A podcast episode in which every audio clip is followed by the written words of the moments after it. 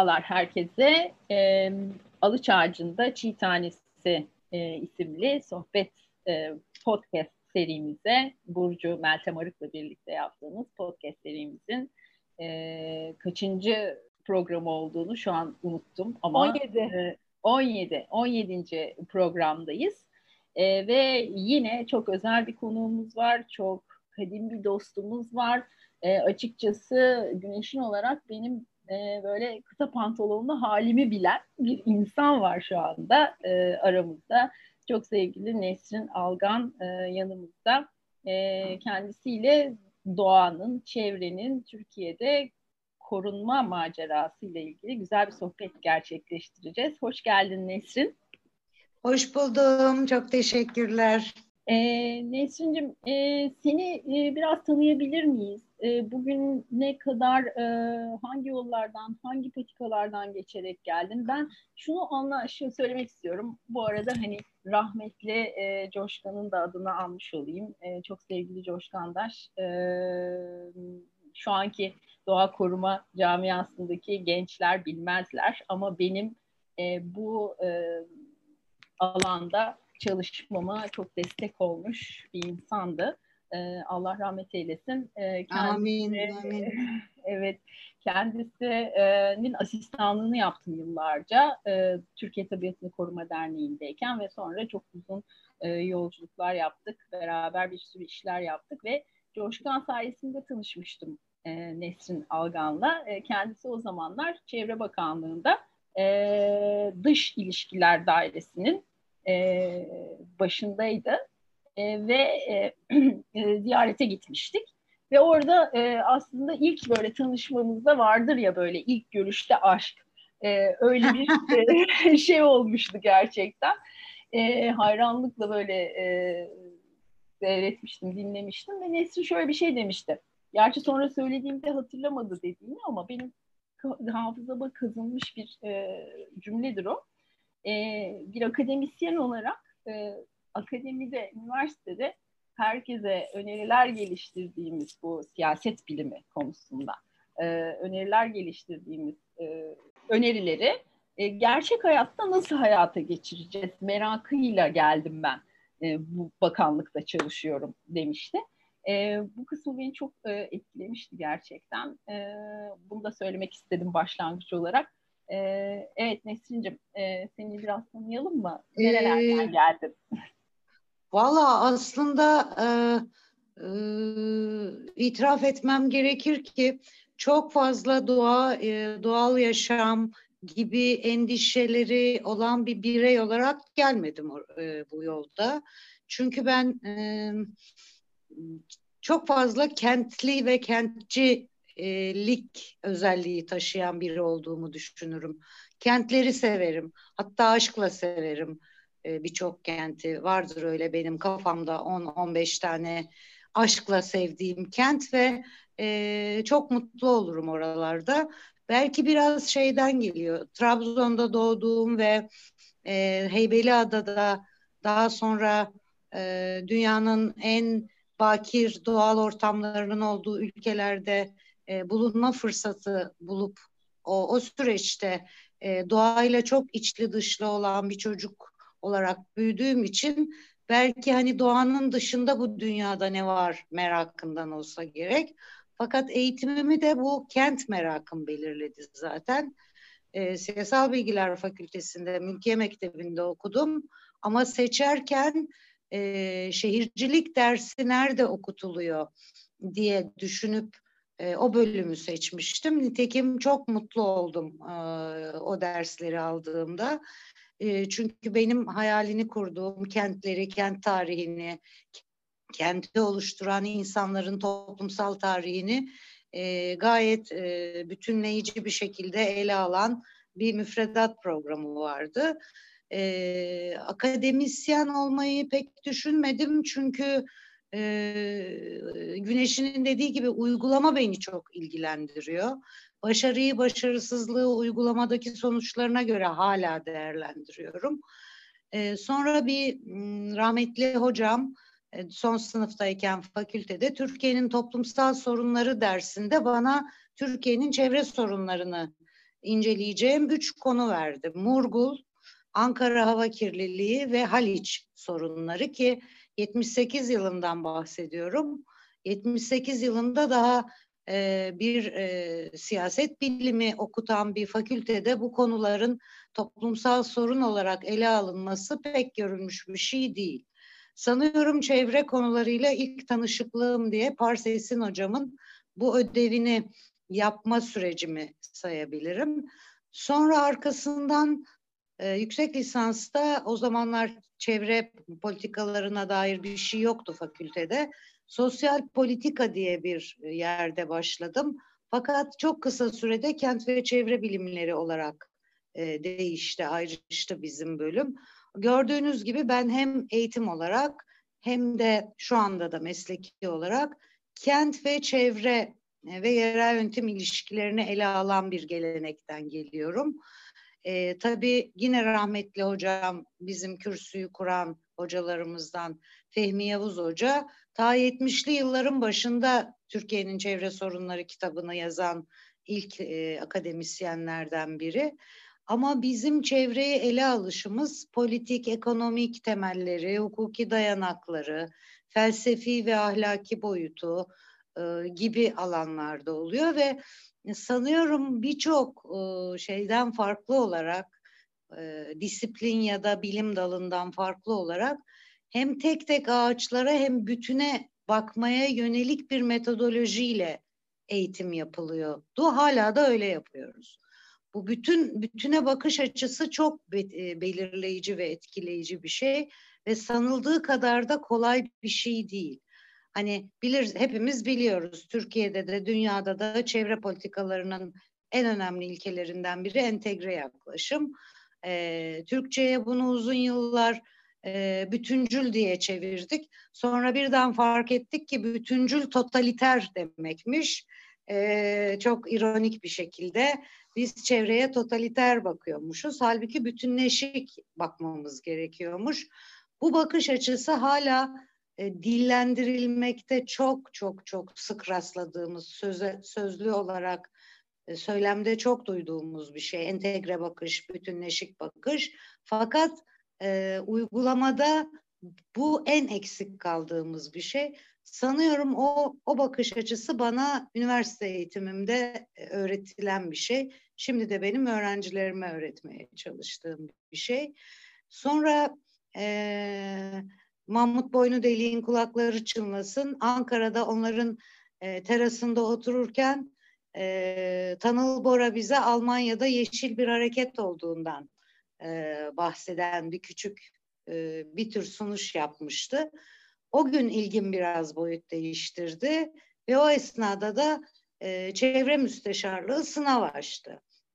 E, o sınava girdim, kazandım ve çevre müsteşarlığının dış ilişkiler dairesinde e, araştırmacı sonra uzman yardımcısı olarak çalışmaya başladım. Hep o birimde çalıştım. Müsteşarlık genel müdürlük oldu. Genel müdürlükten tekrar Başbakanlık Çevre Müsteşarlığına dönüştü. Sonra Çevre Bakanlığı oldu. E, kamuda böyle kurumlar isim ve biçim değiştirdiği zaman mevcut kadro bir e, bakan oluruyla yeni kurumun kadrosuna aktarılır. Çevre Bakanlığı kurulacağı zaman e, çevreden sorumlu devlet bakanı kurumda bir anket yapmıştı. Bakanlık olalım mı olmayalım mı diye. Aklıma geldikçe kahkahalarla gülüyorum bunca sene sonra bile. Biz üç kişi bakanlık olmasın diye e, yanıtlamıştık soruları. E, bakanlık oldu. E, bütün kurum personelini bakanlık kadrosuna geçirdi. Bizim üçümüzü bıraktı. Açıkta bıraktı. Madem ki bakanlık istemiyorsunuz o zaman e, müna şeyde durun e, mevzuatta yürürlükten kaldırılmış müsteşarlık kadrosundan maaş alın bir iş yapmayın diye. Neyse sonra e, geçirdi ama e, mesela ben kurumsal yapıdaki bu istikrarsızlığı ve bir türlü e, kamuda çevre politikalarının kurumsallaşamamasını ki hala sürüyor bu sorun. Bu sık sık biçim değiştirmelere bağlarım e, kendi kişisel kaderimi de Sema ve Nuran'la beraber zaten o gün ne olacağımız belliydi. Ee, bize uymuyor artık bu yeni yapı anlayışıyla özetleyebilirim size. 14 sene çalıştım e, kurumda. E, 24 ya da 26 bakan değiştirdim bu süre zarfında. Mesela Kamran İnan çevreden sorumlu devlet bakanı olmuştu. E, sabah bakan olduğu resmi gazetede yayınlandı. Öğleden sonra briefing aldı bu çevre müsteşarlığı ne iş yapar diye. Akşamüstü başbakana gidip bu kurumu benden alın. Bu hiçbir işe yaramayan çevre gibi fantazi ve lüzumsuz bir alanda e, vakit kaybıdır deyip bizi terk etmişti. E, o yüzden bakan sayısı o kadar sık ve e, fazla değişmişti ki e, sayıyı bile çok iyi hatırlayamıyorum artık. Sonra yine bakan değişikliklerinin birinde benim e, görev yerimi değiştirdiler. E, daha doğrusu görevden aldılar.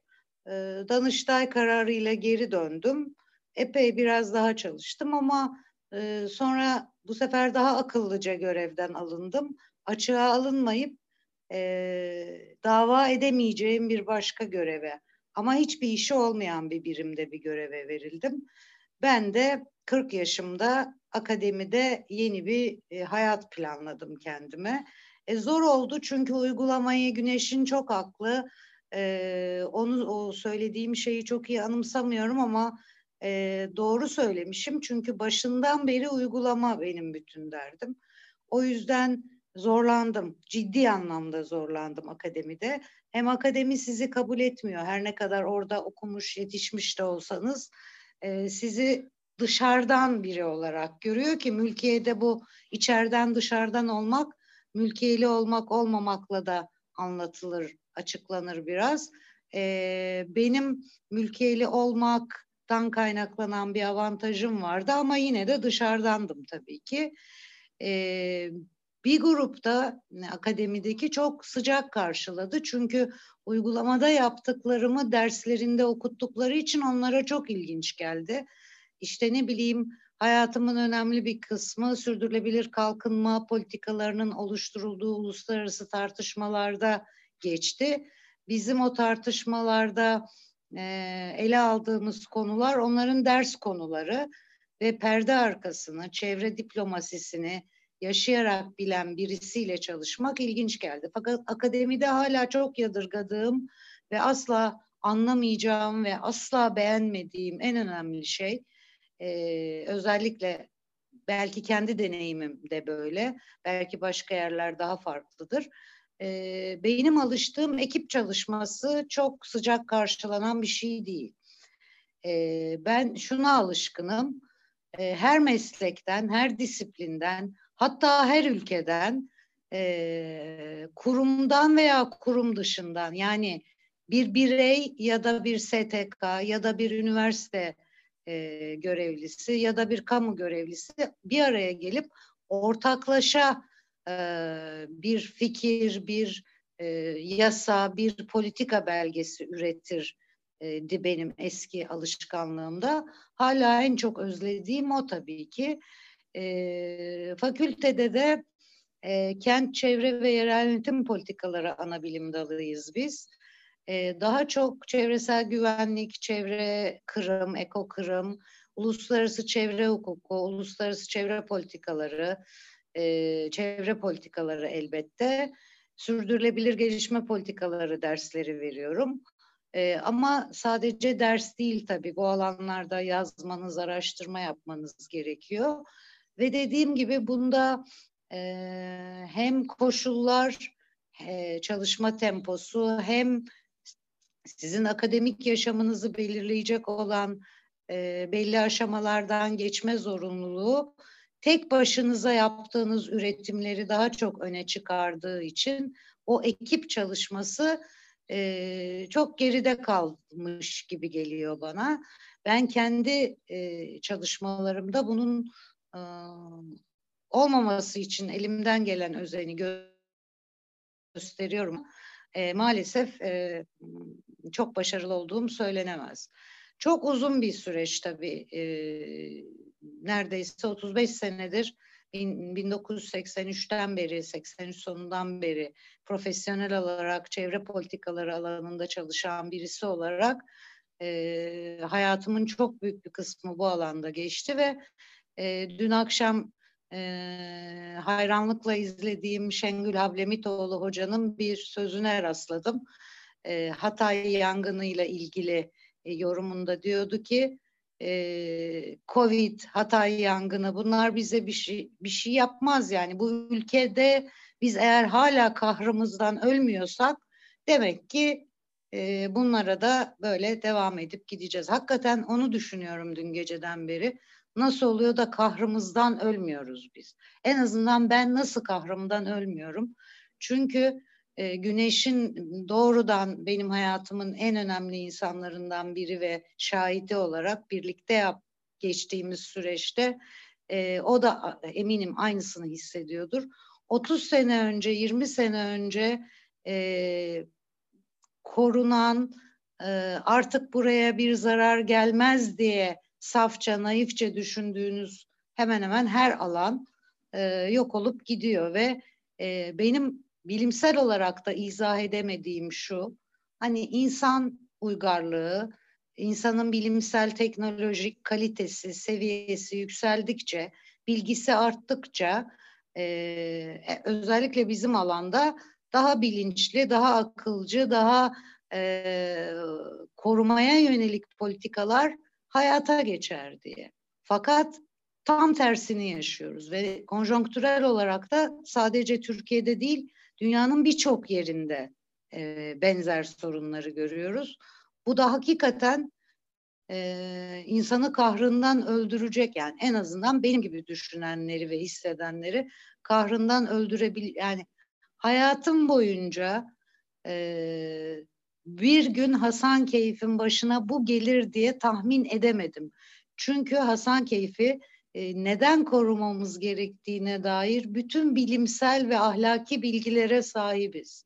Ama gözümüzün önünde onlarca benzeri örneği olurken o yüzden hani meslek hayatımda yetiştirdiğim öğrenciler dışında bir başarım var mı? O öğrencilerin bir kısmı dışında bir başarım var mı derseniz bence yok. Başarıyı çünkü uygulamadaki somut sonucuyla ölçüyorum e, ne kadar orman alanımız korunuyor, ne kadar sulak alanımız korunuyor, ne kadar tarihi değerimiz korunuyor. Bunlara bakıyorum ve bunlarda da çok hazin bir tablo gördüğüm için e, yılgın değilim elbette ama e, ciddi anlamda yorgun ve tatsızım. İşte benim küçük hikayem böyle. Çok teşekkür ediyoruz Nesin Hanım. Ben Estağfurullah. E, yani hangi söylediğinizi nasıl düşünsem, hissetsem ve nasıl not alsam bilemedim gerçekten çok özellikle bu kahır meselesinde yas yas tutmamız gereken bir süreç olduğunu düşünüyorum şu anda içinde yaşadığımız sürecin. Her biri de ayrı ayrı derin tartışması gereken konular bahsettiğiniz. E, ben biraz şunu sormak isterim size. E, bütün bu süreçte 35 yıl hatta 35 yıl aşkın bir süreçten bahsediyoruz anladığım kadarıyla. Kamuda çalıştınız, akademide çalıştınız, e, saha uygulamalarına baktınız, politika seviyesine baktınız, yerel, ulusal ve uluslararası ölçekteki durumu analiz ettiniz. Peki bütün bunları düşündüğünüzde Türkiye'nin çevre doğa koruma tarihine dair ne söylemek istersiniz? Nelerle dolu? Burada kritik kavşaklar, çakıl taşları, dönemeçler neler Türkiye için? E, bir de şunu eklemek isterim soruma eğer mümkünse. E, Türkiye'de bir doğa çevre koruma kültürü olduğundan bahsedebilir miyiz? E, bunu da hani bu konudaki görüşlerinizi alabilirsek çok sevinirim. Peki, ben hep e, kamuda yani şeyde çalışırken müsteşarlık ve bakanlıkta uluslararası ilişkilerde çalıştım. Ee, müsteşarlığa girdiğimde 30-35 kişilik çok küçük bir grup e, çalışıyordu e, kurumda. E, fakat bunu çok önemli bulup vurguluyorum her yerde. E, alışıla gelmiş bürokrat, teknokrat e, lardan oluşan e, bir kadro değildi ve uzun süre böyle devam etti. E, hani sabah 9 akşam, akşam 5 e, maaşımı alırım, başımı sallarım, işimi yaparım diye bir kadro yoktu. Tam tersine yaptıkları işi bir hayat biçimi olarak benimsemiş insanlardı ki hepimiz farklı siyasal, sosyal e, temellerden geliyorduk. Hepimizin başka tercihleri vardı ama buna rağmen ortak payda e, işte Türkiye'de hava kalitesi nasıl korunur? Türkiye'de denizler nasıl korunur gibi böyle bir anlayış vardı ve zaten e, sanıyorum bütün o çevre mevzuatının ve temel politikalarının oluşmasındaki o dönem sağlanan başarı ve ilerleme büyük ölçüde buna bağlı. Sevgili ilk müsteşarım Refet Erim çok özel bir insan. Ee, beni çok şımartıyorsunuz, efsane falan gibi şeyler söylüyorsunuz ama bana göre Türkiye çevre politikaları tarihinin efsanesi aslında Refet Erim. Ee, çok iyi bir çevre hukukçusu ee, ve onun döneminde çok hızlı bir mevzuat çalışması yapılmıştı. Benim görevlerimden biri de e, uluslararası mevzuatı takip edip e, o mevzuatı Türkiye'nin beklenti ve ihtiyaçlarına göre yönlendirmeye çalışmak. O mevzua e, kabul edilen uluslararası mevzuatı da Türkiye'deki yasa ve yönetmelikleri ona göre adapte etmekti. E, ilk dosyalarımı Aydan Bulca Erim bana verdiğinde çok çok unutmuyorum ve çok sevgiyle ve e, minnetle anıyorum. Çünkü aşkla yaptığım dosyalar oldu ikisi. Biri Akdeniz eylem planıydı. Biri de e, Karadeniz'de o dönem üç kıyı ülkesi olan Rusya, e, Sovyetler Birliği daha doğrusu Rusya, Bulgaristan ve Romanya'nın ortak Karadeniz koruma e, sözleşme önerisiydi. E, hem Karadeniz'de hem Akdeniz'de gerçekten büyük bir mutlulukla çalıştım. Fakat Akdeniz'i her zaman daha çok sevdim ve e, hala Akdeniz daha çok çalışıyorum. Çok zordu Karadeniz'de mevzuat oluşturmak. Bir de çok büyük e, alt üst oluşlar yaşadık. Sovyetler dağıldı, Romanya'da, Bulgaristan'da rejim değişti. Bütün bunlar elbette Karadeniz'in korunma çalışmalarına yansıdı ama e, mesela Karadeniz'de 94'te sözleşme yürürlüğe girdiğinde ben artık Karadeniz çalışmamaya, e, onu diğer arkadaşlarımın takip etmesi e, biçiminde bir iş bölümüne gitmiştik ama Akdeniz'i dediğim gibi bugün bile çalışıyorum hala bırakmıyorum. Hani Brodel der ya Akdeniz'i ihtirasla sevdim kuzeyden gelen bütün diğer insanlar gibi muhtemelen e, ben de kuzeyden geldiğim için Akdeniz'i herhalde hala aynı ihtirasla seviyorum. E, ve çok çok üzülüyorum çünkü e, 80'li yılların Akdeniz'i koruma faaliyetleri e, ki Birleşmiş Milletler'in en başarılı programlarından biri diye gösterilir. Hatta denizel politikalarda ilk sırada gösterilir. E, bugün o kadar vahim bir durumda ki e, Güney Kıbrıs, e, Yunanistan, Avrupa Birliği, İsrail, Doğu Türkiye Doğu Akdeniz'de deniz dibinin altını üstüne getiriyorlar. Ellerinde koskoca bir mevzuat var. E, deniz dibi araştırmalarına uygulanacak çevresel önlemler, sınır aşan ÇED'le ilgili. UNEP'in sesi çıkmıyor. Diğer e, 20 kıyı ülkesinin gıkı çıkmıyor. Böyle seyrediyorlar. Bu bir örnek zaten. Bunun gibi onlarca örnek var. E, iki dosyam buydu. Üçüncü dosyam ise e, günümüzde yeniden çok güncel olan ve beni kahırdan öldürecek olan bir konu. O da Alman Federal Cumhuriyeti'nin Türkiye'ye diplomatik bir nota ile yolladığı Konya Ovası'nın bir yerlerine bir atık yakma tesisi kurmak ve Almanya'dan getirecekleri atıkları ve Türkiye'nin atıklarını orada yakma önerisiydi. Verilen cevabı bugün bile hatırlıyorum. Bu bir e, çevre emperyalizmi girişimi olup Türkiye bunu şiddetle reddeder e, cinsi. Yani bu kadar sert olmasa bile bu anlama gelecek bir e, yanıt verilmişti. Halbuki 2006'da aynı kurum çevre yasasını değiştirip çöp ithalatını serbest bırakıyor. ve Türkiye şu anda dünyanın en büyük çöp ithalatçısı oluyor. Düşünün ki ömrümün büyük bir kısmı sadece Türkiye'de değil bütün dünyada Afrika kıtasında özellikle tehlikeli atık ticaretinin yasaklanmasında Türkiye'nin oynadığı rolün gururuyla geçti. Bunun başarısı ve mücadelesinin sonuçlandığını görmek gibi bir e, mutluluğu tattım. Ama sonra bir anda Türkiye bugün plastik başta olmak üzere içinde tehlikeli atık ithalatı hala yasak ama o gelen çöp konteynerlarına kim analiz ediyor, kim denetleniyor, Covid'li çöpler mi geliyor yoksa tehlikeli atıklar mı geliyor o plastiklerle hiçbir şekilde bilmeden e, tonlarca çöp ithal ediyoruz. E, Türkiye'nin bilimsel olarak da biz e, İlhan Tekeli hocamla Türkiye Bilimler Akademisi'nde bir çevre komisyonumuz vardı. E, orada yaptığımız araştırmaları yayın olarak çıkarırdık bir zamanlar. Orada yaptığımız bir çalışmada vardığımız sonuç da şunu gösteriyor. Türkiye 2000'li yılların başına kadar doğa korumada başarılı. Dünyada da yani başarılı derken sadece ulusal düzeyde değil, uluslararası düzeyde de başarılı.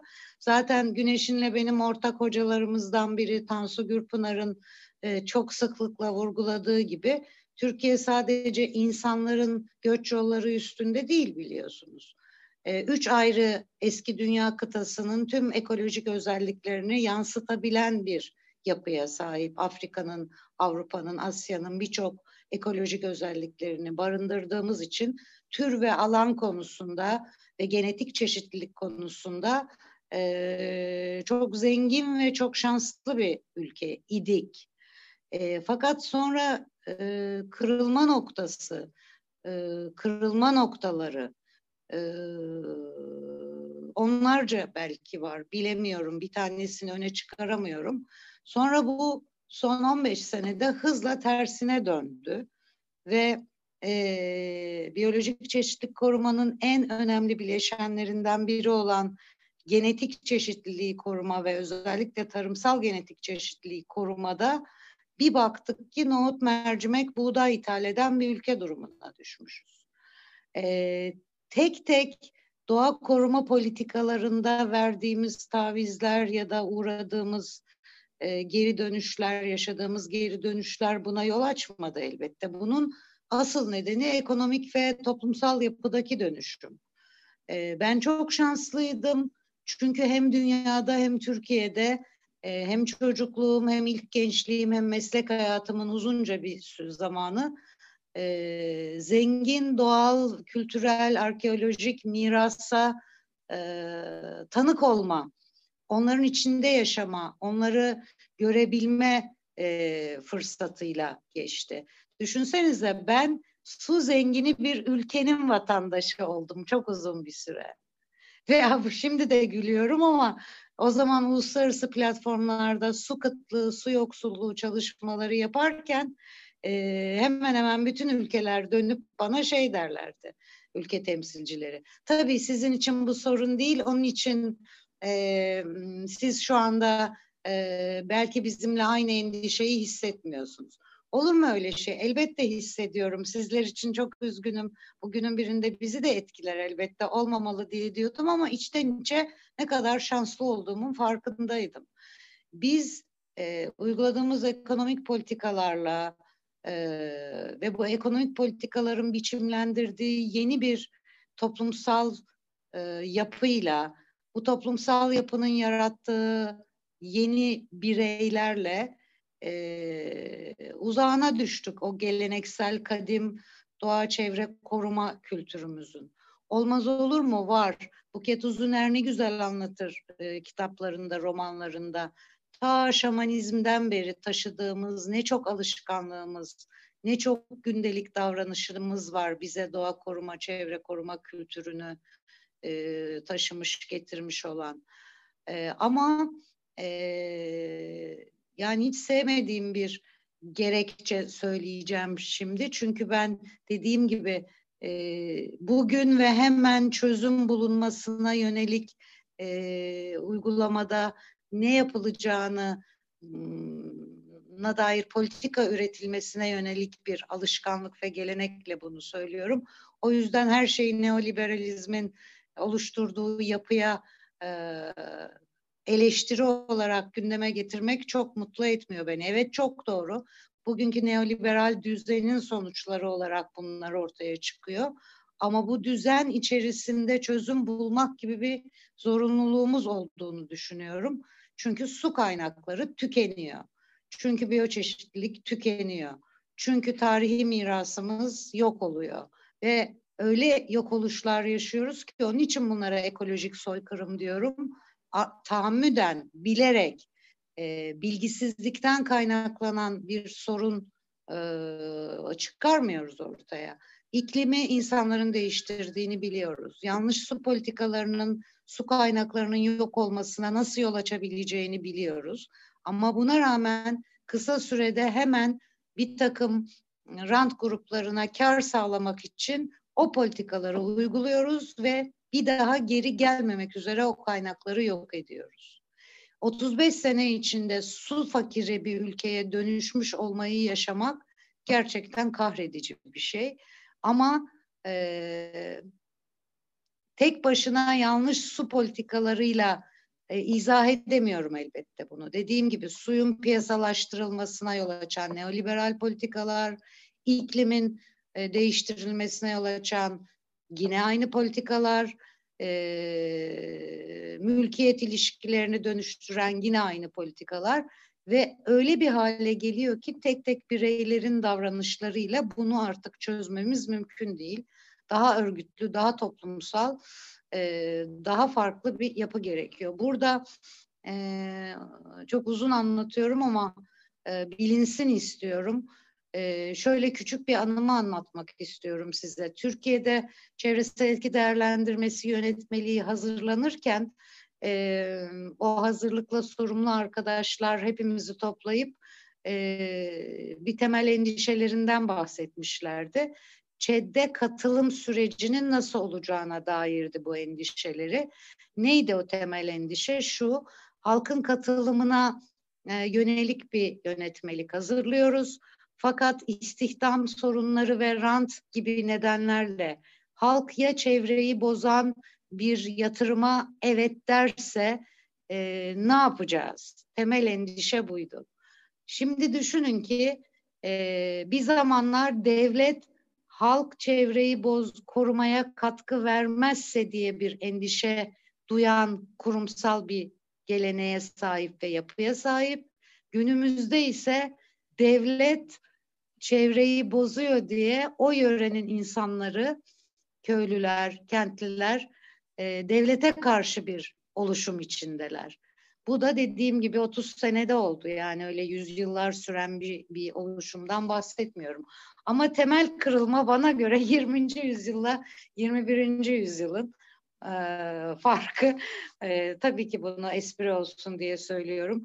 Biz 20. yüzyıldan kalan e, korumacılar e, 21. yüzyıla e, çok makbul saymıyoruz galiba. E, gerçekten sanki bir yüzyıl, birkaç yüzyıl geç geçmiş gibi bir e, bozulma var bütün gezegende. Benzeri Brezilya'da da var, benzeri e, Amerika Birleşik Devletleri'nde de var. Ama tabii e, yine de e, şöyle bir siyasal belirleyici dönüşüm var gibi geliyor bana. E, Türkiye'nin Avrupa Birliği'ne üyelik macerası, üye olma siyasi iradesinin yüksek olduğu dönemlerdeki başarıdan bahsediyorum ben size. Çünkü e, öyle bir toplumsal ve siyasal e, sanki oydaşma vardı. Avrupa Birliği'ne tam üye olacağız. E, çevre mevzuatını ve politikalarını onların politikalarına la bütünleştirmemiz gerekiyor diye çok hummalı ve ciddi bir e, hem çalışma hem de kaygı vardı.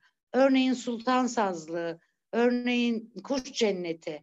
E, bu sene e, taraf olduğumuz koruma sözleşmelerine göre sınavını verebilecek mi heyecanı o kadar önemli bir şeydi ki e, kamu kurumları için, dışişleri, içişleri, çevre bakanlığı hepimiz e, müthiş bir hazırlık ve merakla diplomamız bizde kalacak mı? E, ya da ödül alacak mıyız yine başarı e, ödülü diye o heyecanla beklerdik. Avrupa Birliği macerasının böyle bir e, akamete uğramasıyla birlikte o bütünleşmenin getirdiği heyecanın ve e, belki siyasi iradenin ortaya kalkması da belirleyici gibi geliyor bana. E, Türkiye'nin çok başarılı olduğu tabii ki birçok koruma politikası var. E, hep anlatılır. Avrupa Konseyi'nde en e, ne denir etkili ülkeler bile Türkiye ile e, ikili görüşme yapmak için kuyruğa girerlermiş Tansu Gürpınar'la özellikle de. Çünkü Avrupa Konseyi'nin koruma altına aldığı türlerin neredeyse yarıdan çoğu Türkiye'deki türler zaten. Hani Türkiye koruma konusunda ne kadar başarılı olursa e, Avrupa Konseyi'nin Bern Sözleşmesi de o kadar başarılı olacak. E, bu sene Türkiye listeye korunması için yeni alanlar önerecek dediğinde örneğin Türkiye temsilcisi Tansu Gürpınar e, bunu anlatan diplomat arkadaşlar büyük alkışlarla karşılanırmış ve Türkiye gerçekten e, ciddi başarılı. Ben mesela Akdeniz'de Akdeniz'in en iyi korunan kıyı ve deniz alanlarının olduğu ülkeyi temsil etmenin gururunu çok uzun yıllar yaşadım. Ee, ama dediğim gibi ya da mesela ozon tabakasının incelmesiyle mücadelede Türkiye iki, iki yıl en başarılı ülke ödülü aldı. Tabii ki başarılı olduğu konular var.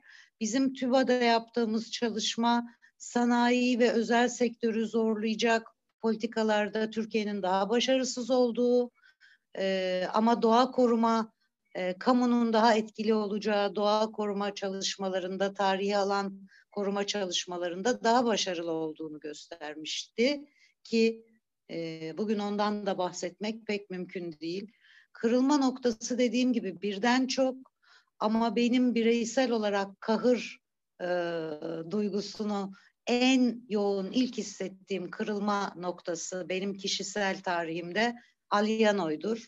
Ve ne çabuk unutuldu ve ne çabuk e, suların altında olduğunu e, anlatan iki üç insandan başka kimse kalmadık. E, Alyano'yu yok eden yok olmadı belki. Belki günün birinde yeniden suyun üstüne çıkacak ama e, düşünün ki bir baraj, ömrü sınırlı bir barajla ömürsüz, yaşsız bir e, çevresel değeri yok ettik. Yani en azından gömdük. E, Alyanoy'dan sonra artık hiçbir şey eskisi gibi olmayacak diye düşünüyordum ki peşi sıra geldi zaten. E, mesela Akdeniz'de özel koruma alanlarımız var Akdeniz'in korunması çalışmalarına göre. Onlardan bir tanesinde zamanın başbakanının yazlık evi olması e, büyük bir skandal olarak görülürken şimdi bütün korunan alanlarımızın sınırları sık sık değişiyor. Zaten koruma statüleri öyle bir hale getirildi ki e, bir koruma kullanma dengesi denen bana göre tamamen yok etmeye hizmet eden bir anlayışla e, alanlarımız hızla daralıyor. Statüler kaldırılıyor. O yüzden çok e, devam etmeyeyim bence. Çünkü çok hazin geliyor bunlar bana.